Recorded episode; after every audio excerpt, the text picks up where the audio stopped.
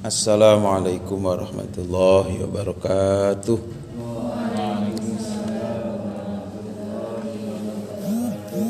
Alhamdulillahirabbil alamin. Ya Rabbana lakal hamdu kama yanbaghi li jalali wajhika wa li 'azimi sultanik. Allahumma salli ala Muhammadin wa ala alihi wa ashabihi ajmain. Rabbi israh li sadri wa yassir li amri wa hlul 'uqdatam min lisani yafqahu qawli. Amma ba'du. Saudara-saudaraku sekalian, mari kita lanjutkan memahami kajian dalam putusan Majelis Tarjih Muhammadiyah tentang fatwa-fatwa yang dikeluarkan dalam tanya jawab khususnya berkaitan dengan rumah tangga.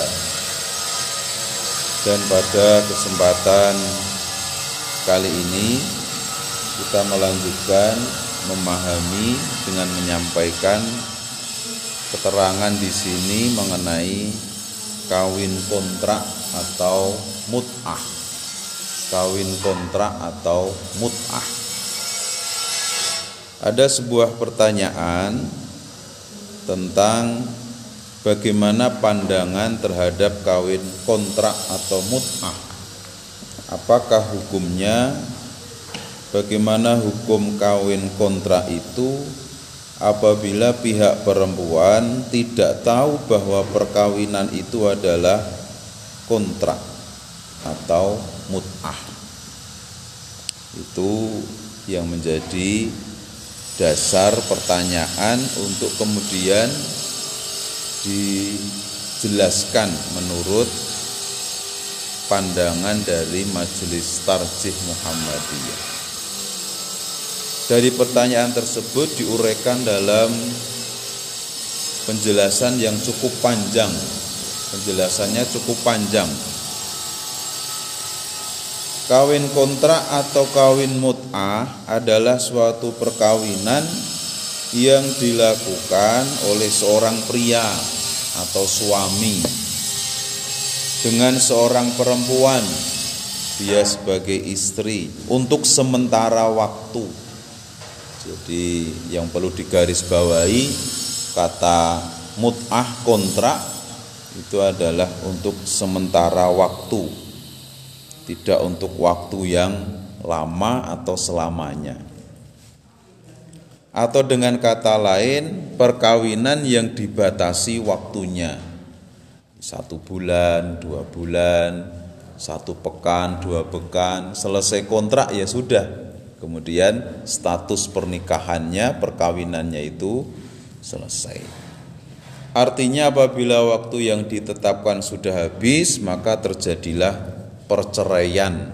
Ya, perceraian tanpa proses perceraian melalui pengadilan agama, jalur hukum untuk menempuh perceraian. Itu kalau kawin kontrak. Ada beberapa hadis Rasulullah yang berkenaan dengan kawin mut'ah ini. Satu, hadis diriwayatkan Imam Bukhari dan Muslim dan Ibnu Mas'ud. Bismillahirrahmanirrahim. Jadi kalau membaca hadis biasakan dimulai dengan basmalah. Kalau membaca Al-Qur'an dengan ta'awud. A'udzubillah itu kaidahnya begitu. Jadi kalau membaca Al-Qur'an a'udzubillah minasyaitonirrajim tsumma Kemudian baca Al-Qur'an. Kalau hadis kita mulai dengan baca basmalah. An Ibni Mas'ud qala kunna naghzu ma'a Rasulillah sallallahu alaihi wasallam laisa ma'ana nisaun fakulna ala namtasi fakulna ala nan apa ini artinya? Nan nasi. Agak sulit. Nah, nah fakulna ala nam nasi. Fahana fanahana an dzalika thumma rakhasa thumma rakhasa lana thumma rakhasa lana ba'du an hal mar'ata bitaubi ila ajalin dari Ibnu Mas'ud radhiyallahu ia berkata kami biasa perang bersama Nabi Shallallahu alaihi wasallam Padahal tidak ada wanita yang ikut bersama kami.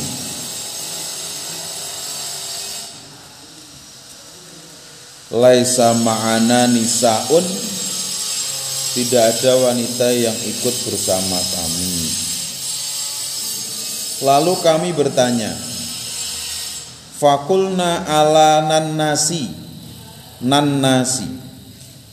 Lalu kami bertanya, kepada Nabi, bukankah kita sebaiknya berkebiri? Berkebiri itu apa? Oh, disterilkan. Sterilkan. Tetapi Nabi melarang kami dari berbuat yang demikian. Fanahana andzalika. Nabi melarang untuk laki-laki yang ikut perang karena tidak ada wanita yang membersamai untuk mengkebiri Kemudian beliau memberi kelonggaran atau rukhsah. Rohhoso lana. Memberi kelonggaran atau rukhsah keringanan kepada kami supaya nikah dengan wanita dengan imbalan kain sampai batas waktu tertentu. Anan kihal mar'ata bithaubi ila ajalin dengan imbalan kawin pada batas waktu tertentu. Ah, menurut hadis ini Nabi Shallallahu Alaihi Wasallam membolehkan nikah mut'ah karena ada hal mendesak yaitu dalam peperangan. Kebolehan melakukan nikah sebagaimana diwujudkan dalam hadis ini bukanlah kebolehan yang diberikan oleh Nabi Shallallahu Alaihi Wasallam secara mutlak. Jadi ini dalam kondisi tertentu.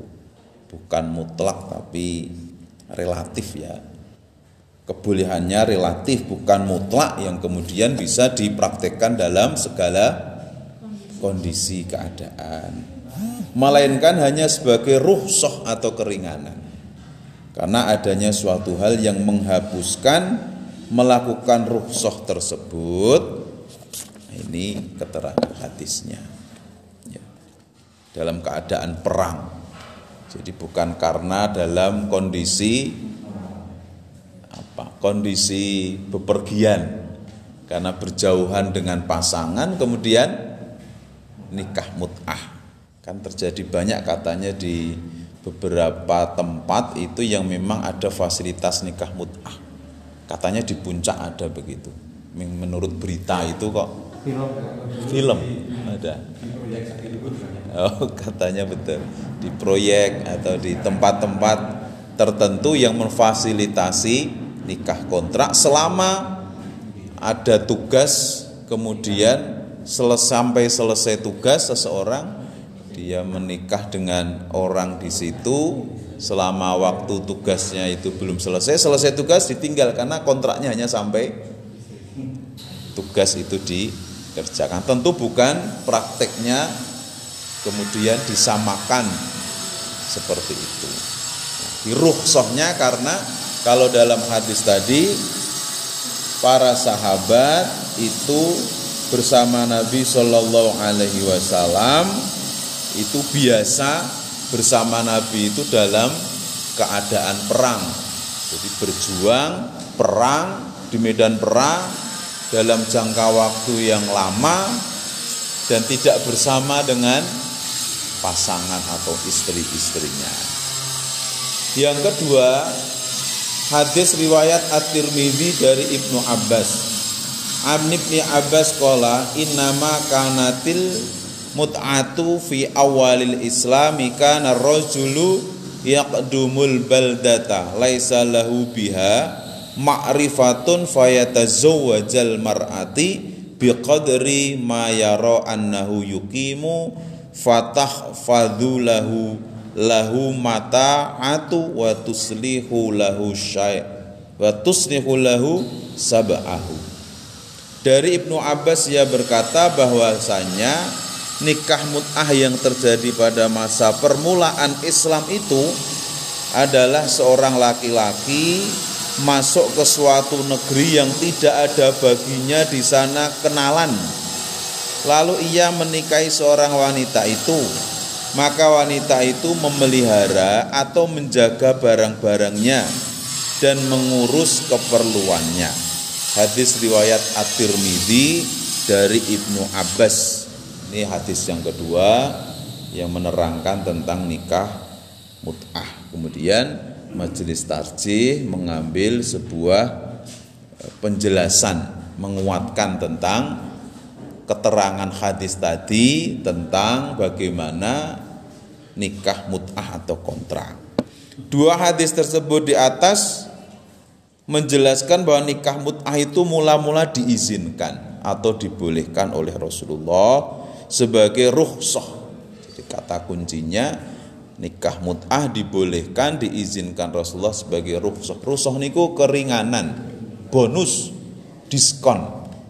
Ya, tapi dalam keadaan seperti keadaan tertentu kita bisa menjamak sholat itu rukhsah. Kita bisa meninggalkan puasa tapi nanti mengganti di hari yang lain itu rukhsah.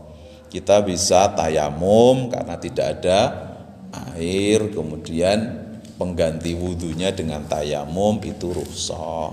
Kita bisa wudhu meskipun tanpa melepaskan sepatu ya karena memang kita meyakini yang kita pakai sepatunya itu juga masih dalam kondisi bersih suci ada rukhsah.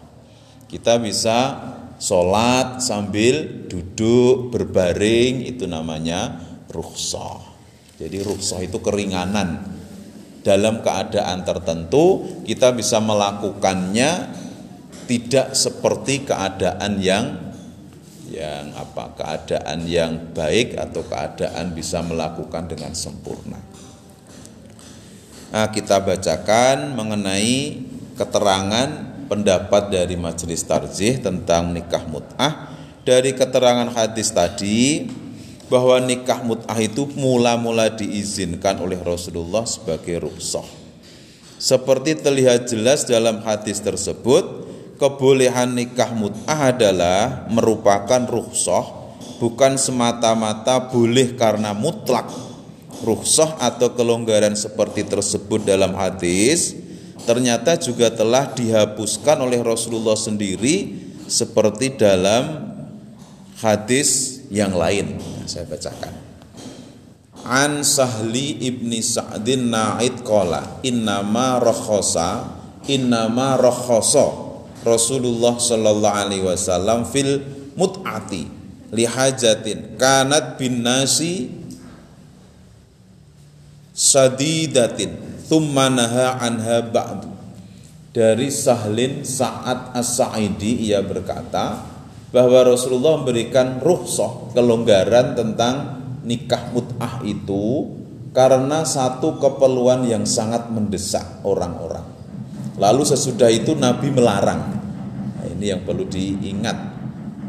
Ini yang perlu kita fahami penegasan setelah dua hadis tadi peristiwa yang membolehkan saat itu diizinkan nikah mut'ah atau kontrak. Tapi kemudian ada hadis Nabi selanjutnya juga menerangkan bahwa nikah mut'ah itu kemudian dilarang. Thumma naha anha ba'dahu.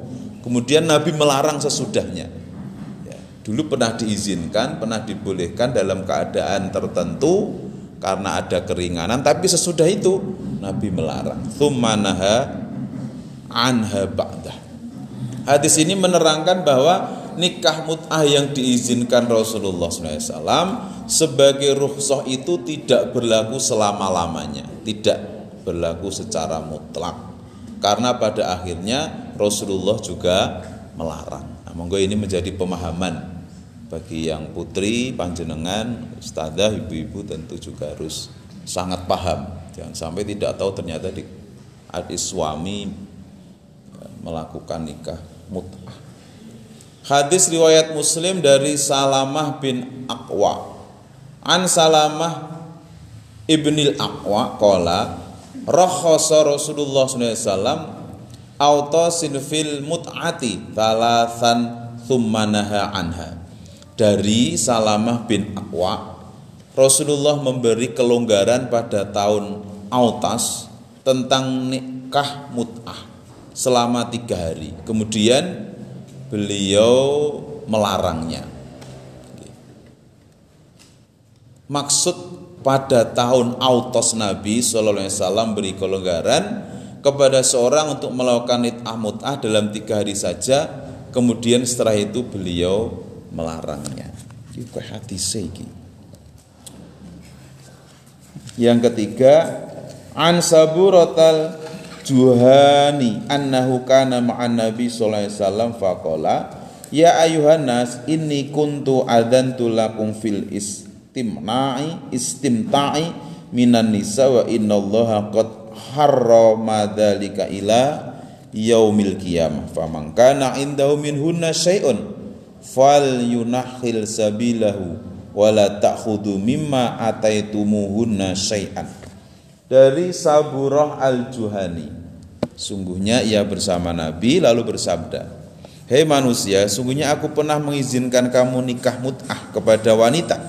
Tetapi sesungguhnya sekarang Allah mengharamkan yang demikian itu sampai hari kiamat.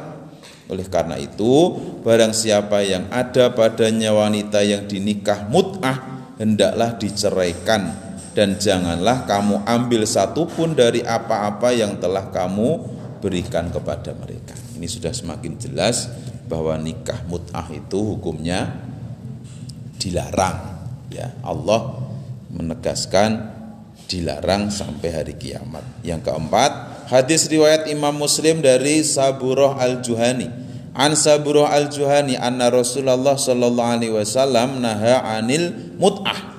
Wa qala ana anha haramun min yaumikum hadza ila yaumil qiyamah. Wa man kana a'ta syai'an fala ya'khudhu. Dari Saburoh Al-Juhani Rasulullah SAW melarang nikah mut'ah dan beliau bersabda ingatlah bahwa sesungguhnya ala annaha haramun nikah mut'ah itu haram ini pun jelas. Haram itu larangannya kuat. Haram itu larangannya kuat. Kalau wajib perintahnya kuat. Itu sampai pada hadis yang menegaskan bahwa ala annaha haramun. Sungguhnya nikah mut'ah itu bahwasanya annaha bahwasanya nikah mut'ah itu haramun. Larangannya kuat berikutnya hadis riwayat atau broni dari Haris bin Ghaziyah Anil Harith bin Ghaziyah qala sami'tu Nabi sallallahu alaihi wasallam yauma fathi Makkah yakul mut'atun nisa haramun salah samarat. Nah, ini semakin tegas terakhir ini hadisnya. Dari Al Harith bin Ghaziyah ia berkata, saya mendengar sami tu saya mendengar dari Nabi Shallallahu Alaihi Wasallam ya yauma fathi Makkah.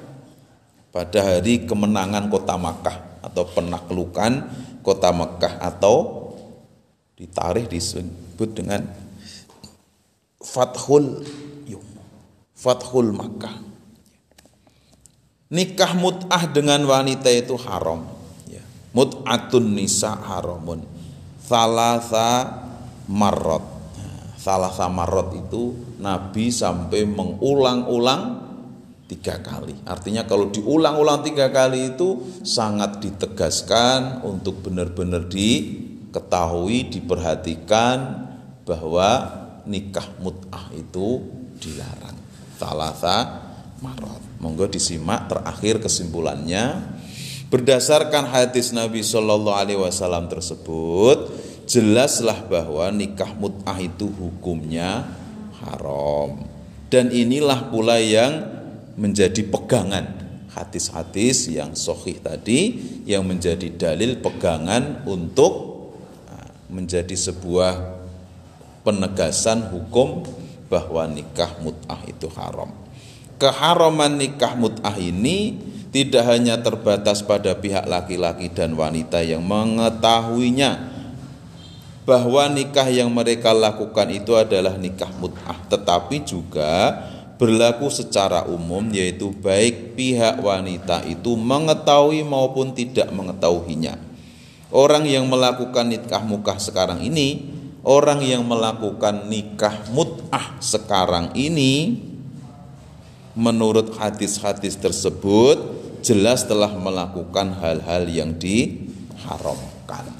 Penjelasan terakhir menegaskan tentang tadi dari sumber apa tadi pertanyaan tentang kawin kontrak atau mut'ah itu bagaimana hukumnya kemudian bagaimana perempuan kalau tidak tahu bahwa perkawinan itu adalah kawin secara umum, secara mutlak nikah mut'ah itu juga haram ditegaskan di hadis yang sahih. Setelah tadi di awal memang ada keterangan hadis pernah diizinkan karena dalam keadaan darurat sebagai ruhsah tapi setelah itu naha anha ba'dah. Ya, Nabi thumma naha anha ba'dahu. Setelah itu kemudian Nabi melarang dengan hadis-hadis yang menegaskan banyak hadis yang menyebutkan haramnya nikah mut'ah sampai hadis yang terakhir riwayat dari Imam At-Tabrani sampai diulang tiga kali. Salah sama rotin salah sama rotin salah sama rotin itu maknanya diulang ulang. Tiga kali mengulang bahwa mun atun nisa mut'atun nisa mut mut'atun nisa haramun. Mut'atun nisa mut'ah. Ya. Nikah mut'ah baik bagi laki-laki maupun perempuan hukumnya adalah haram. Lalu bagaimana kalau nikah siri? Nah, nikah siri pun kalau secara aturan agama nikah siri itu juga sebenarnya sah. Karena rukun nikahnya terpenuhi ada mempelai laki, mempelai perempuan, ada ijab, ada kobul, ada wali, ada saksi, itu yang menjadi rukun nikah sah. Tetapi yang kemudian dipertimbangkan tidak sekedar rukun nikahnya menjadikan syarat sah nikah, tetapi juga nikah itu kan harus setelahnya menjadikan kemaslahatan bagi yang menikah juga bagi keluarga, bagi lingkungan. Jangan sampai sudah nikah tapi setelah nikah malah menimbulkan fitnah itulah yang kemudian dipertimbangkan itu nikah siri itu rawan menimbulkan fitnah karena belum tertulis secara secara administratif menurut aturan negara. Secara aturan agama ada rukun yang terpenuhi sah tetapi administratif aturan negara pencatatan di uh, buku nikah belum ada.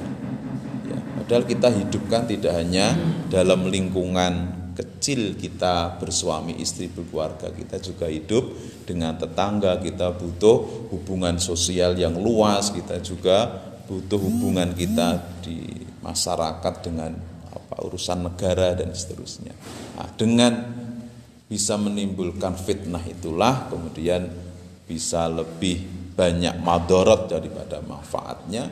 Sebagian besar ulama mengatakan nikah siri juga di dilarang. Karena nikah itu kan a'linun nikah.